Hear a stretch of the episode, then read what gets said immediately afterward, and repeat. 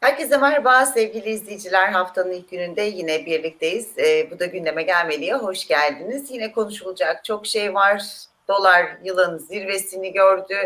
Nebati'nin önemli açıklamaları var. Önemli de demeyeyim de enteresan açıklamaları var. Hepsini konuşacağız. Ekonomist Murat Surur Özbülbül de karşımızda. Merhaba Murat Bey. Merhabalar sevgili Ebru, merhabalar sevgili izleyicilerimiz. Hafta yine Bence hareketli. Evet oldukça hareketli. Bu haftada böyle hareketli geçecek gibi görünüyor. E, dolar bütün baskılamalara rağmen 16.58 seviyesinde yılın zirvesiyle başladı bu haftaya. E, ama paramedyada da şöyle bir haber vardı Murat Bey bunu da sormak istiyorum. E, dolarda müdahale mi tanzim satış mı diye bir e, başlık kullanmışlar. İşte dolarda gece yarısı e, sığ piyasaların olduğu dönemde e, ilginç işlemler olmaya devam ediyor diyor. İşte hani doların şu andaki mevcut durumu belli fakat gece e, 15.99'a kadar e, düşmüş. Yani alınan bilgiye göre de bu seviyeden 200 milyon doların üzerinde bir satış yapıldığı iddiaları e, piyasada dolaşıyor diyor. Yine birileri zengin mi oldu yani ne dersiniz? Ee, Ebru e, bunu biz e, Cuma günü e, takip etmiştik. Cumartesi de konuşmuştuk. Yani piyasalar kapandıktan sonra evet. bir arkadaş e, piyasa 16.53'ten 54'ten kapandığı halde bir arkadaş e, hatta 15.80'e kadar satışlar olmuştu ve bir anda kur aşağı gelmişti. Şimdi hangi aklı evvel piyasa kapandıktan sonra dolar satıp da ucuza satar? Yani bir saat evvel satsa e, işte 16-50 küsurdan satacağını 15-90'a niye satar? Şimdi burada alan kim? Onu bilmiyoruz. Satan kim? Onu da bilmiyoruz. Ama alan akıllı, satan ahmak.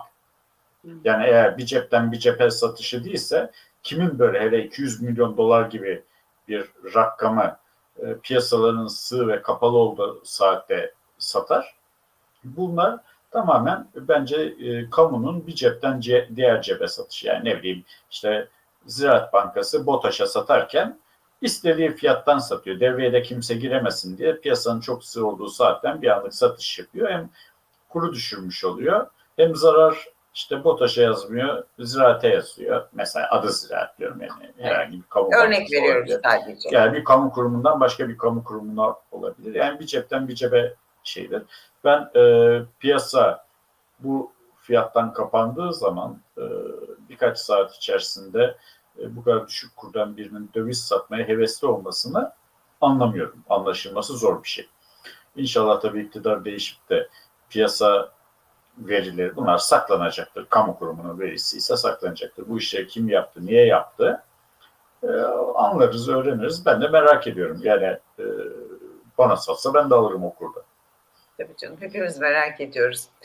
Peki e, dediğim gibi Sayın Bakan e, Nebati'nin de enteresan açıklamaları var. E, öncelikle enflasyon beklentilerini açıkladı 2022 için Merkez Bankası ile yine anlaşamamışlar. E, yine çelişkili. E, Bakan Nebati 48-49 diyor yıl sonu için. E, 42 8'de Merkez Bankası'nın yıl sonu enflasyon hedefi. Evet. E, faiz indirimi de arttırımı da düşürülmeyi düşünmüyoruz diyor. Yani herhalde yıl sonuna kadar böyle şey pasla devam edecekler. E, kur korumalı mevduat modeli de devam edecek dedi. Yani eğer kur korumalı mevduat e, toplam maliyeti geçtiğimiz cuma itibariyle 21.1 milyar lira dedi. Eğer geçmemiş olsaydık e, zararımız 411 milyar lira olacaktı dedi. Hepsini teker teker konuşmak istiyorum ama e, öncelikle şunu sormak istiyorum son cümlemden 411 milyar olacaktı eğer kur korumalı mevduata geçmemiş olsaydık dedi. Nereden gelecekti bu zarar Murat Bey? Yani e, Nebati ekonomi bilmiyor. Ya matematik de bilmiyor. Hesabı nasıl yaptı, kim yaptı onu da bilmiyorum. Arkadaş 2020 iki sonunda enflasyon tek haneye düşeceğini iddia ediyordu. 2023'te hani diyordu ya yatacağız kalkacağız yatacağız kalkacağız 6 ay sonra bir uyanacağız her şey çok güzel olmuş diyordu. Ee, olmadı. Her şey eskisinden beter oldu. Ee, enflasyon tek haneye düşecek diyorlardı işte 2022 sonunda şimdi o yüzde 50'lere dayandı. Hangi hesapları tutmuş ki ya bir kere Nurettin Nebati'nin enflasyon tahmini yapacak e, ekonometri bilgisi var. Ekonomi bilgisi var mı? Matematik bilgisi var mı?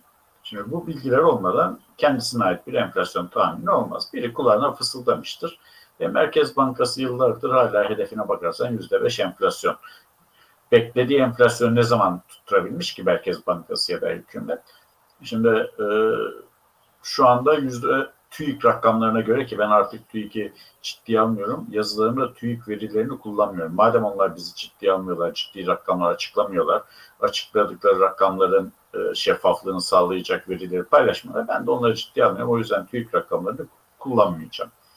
E, ama enak rakamları ciddidir. Yüzde 160 enflasyon.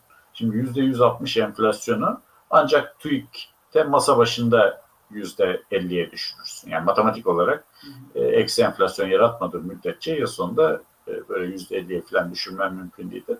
Ben buradan iddiamı yeniliyorum. Ben her zaman tutturdum. Nebati hiç tutturamadı. Bakalım bu sefer ne olacak? Yıl sonunda böyle üç haneli bir enflasyonun altında kalmayı becerirlerse yatıp kalkıp dua etsinler. Yani bırak böyle yüzde 50'yi falan.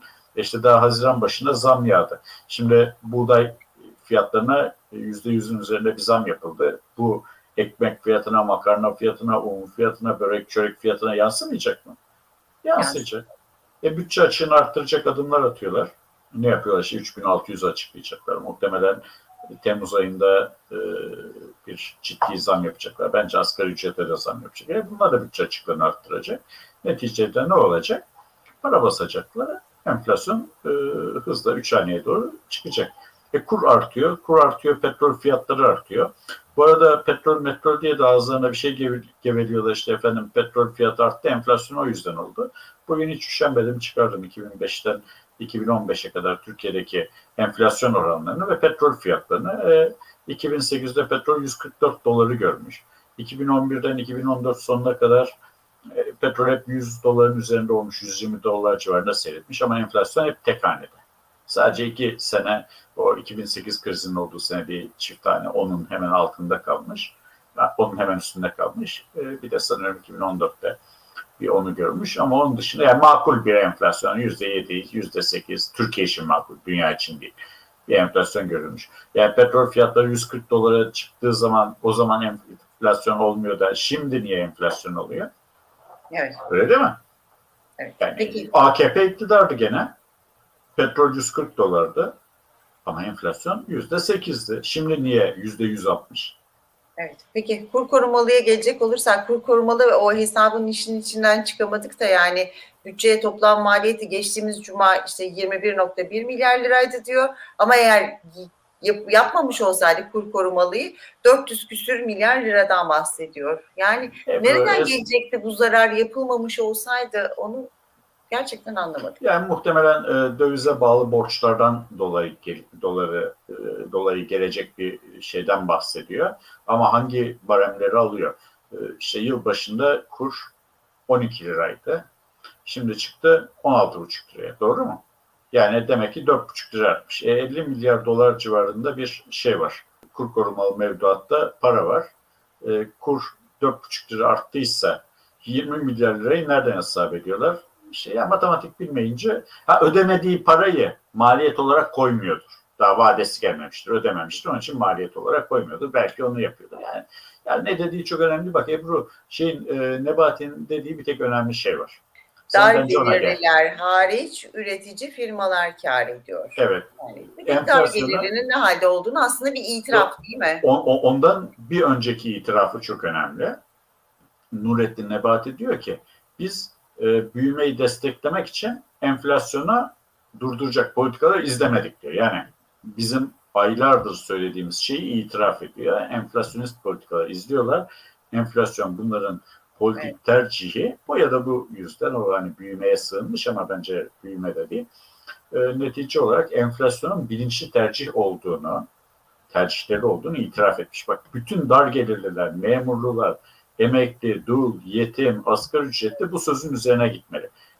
Arkasında da ilave ediyor. Evet diyor dar gelirlinin boynu kırıldı ama patronlar kazandı. Ya bu akıllı insanın söyleyeceği laf değil. Yani yapsan bile söylemezsin. Yaptıkları bu olduğunu biz anlatmaya çalışıyorduk. Şimdi kendi söylemiş. Sözcükleri çok seçerek kullanıyorum. Bunu tarif eden çok güzel deyimlerimiz vardır e, Türkçe'de. Yani ne yaptığını kendi itiraf etmiş daha denecek bir lafı yok. Yani bu ülkede yaşayan her dar gelirli, her memur, her ücretli, her emekli e, bu sözün üzerine gitmeli. Enflasyonun iktidarın bilinçli tercihi sonucunda ortaya çıktığını e, ve bu politikalara devam ettikleri müddetçe de enflasyonun bitmeyeceğini herkes bilmeli ve tepki koymalı. Evet. Öyle gelecek maaşlara gelecek 3-5 zamla falan da enflasyon bitmez. Enflasyonist politikalara devam edersen senin maaşına zam yaparlar. Ne kadar kallavi zam yaparlarsa yapsınlar. iki ay sonra yandım anam yetmiyor param dersin. Evet. Bak ne oldu? Yılbaşında %50 zam yaptık, tarihi zam yaptık falan diyorlardı. İki ay sonra işçi açlık sınırının altına düştü. Evet. Bu arada biz de 16.58 ile yayına başlamıştık. Şu anda 16.59 noktadan öyle devam ediyor. Herhalde. Oradaki dealer'ı merak ediyorum. Yani elinde Nescafe'si gözler böyle şey olmuş artık ekrana bakmaktan kıpkırmızı olmuş. Sat sat sat sat sat. Zor iş. Evet. Herhalde e, bu hafta sonuna doğru da 17'den sonra nereye gidecek onu konuşmaya başlayacağız gibi görünüyor. Ya konuşacak çok bir şey yok. 16, 17, 18, 20, 25, 30 saydırarak gidecek. Sen enflasyonist politikalar uyguladığın müddetçe Ebru enflasyon artar. Enflasyon arttığı zaman kurları baskılayabilirsin. Biliyorsun sabit kur rejimlerinde hiç enflasyon artar gider. Ama kur sabit kalır. Sonra bir yerde devalüasyon yapman gerekir. Şimdi bu Türkiye'deki müdahaleli kur rejiminde de kuru baskılıyorlar. Diğer geliyor baskı güçleri yetmiyor. Patlıyor gidiyor ama o arada kur baskılamasın, yani kur artmasın diye uğraştıkları zaman diliminde bu sefer dış ticaret açığı gibi e, parametreler patlıyor gidiyor. Yani e, Mayıs ayında Cumhuriyet tarihinin Evet. dış ticaret açığını verdik. En büyük 10 küsur açığını milyar verdik. dolar. Evet. Evet peki hareketli bir haftaya başladık. Bakalım yarın ekonomik olarak neler göreceğiz. Ee, biz yine burada olacağız onları değerlendirmek için. Son bir şey söyleyeyim Ebru. Ee, anladığım kadarıyla seçim satım haline girdik. Yani Kasım'da bir seçim planlanıyor olabilir. Yani işler daha kötüye gitmeden. Muhtemelen bu açıklanan buğday fiyatları, muhtemelen 3600 ek gösterge, arkasından gelecek bir asgari ücret zammı ve işte memur emekli maaş zamları falan filan derken e, benden sonra tufan diye seçimde en azından e, 200 e, milletvekili barajının altına düşmemek ve kendini seçtirebilmek için böyle bir kesenin ağzını açacaklar. Bu da e, gene enflasyonist bir olaydır. E, ama eğer trend böyle giderse yıl sonunda 3 haneli enflasyonu kesinlikle göreceğiz. Evet peki. Teşekkür ediyorum hem size hem de bizi izleyen izleyicilerimize. Yarın görüşmek üzere. Görüşmek üzere.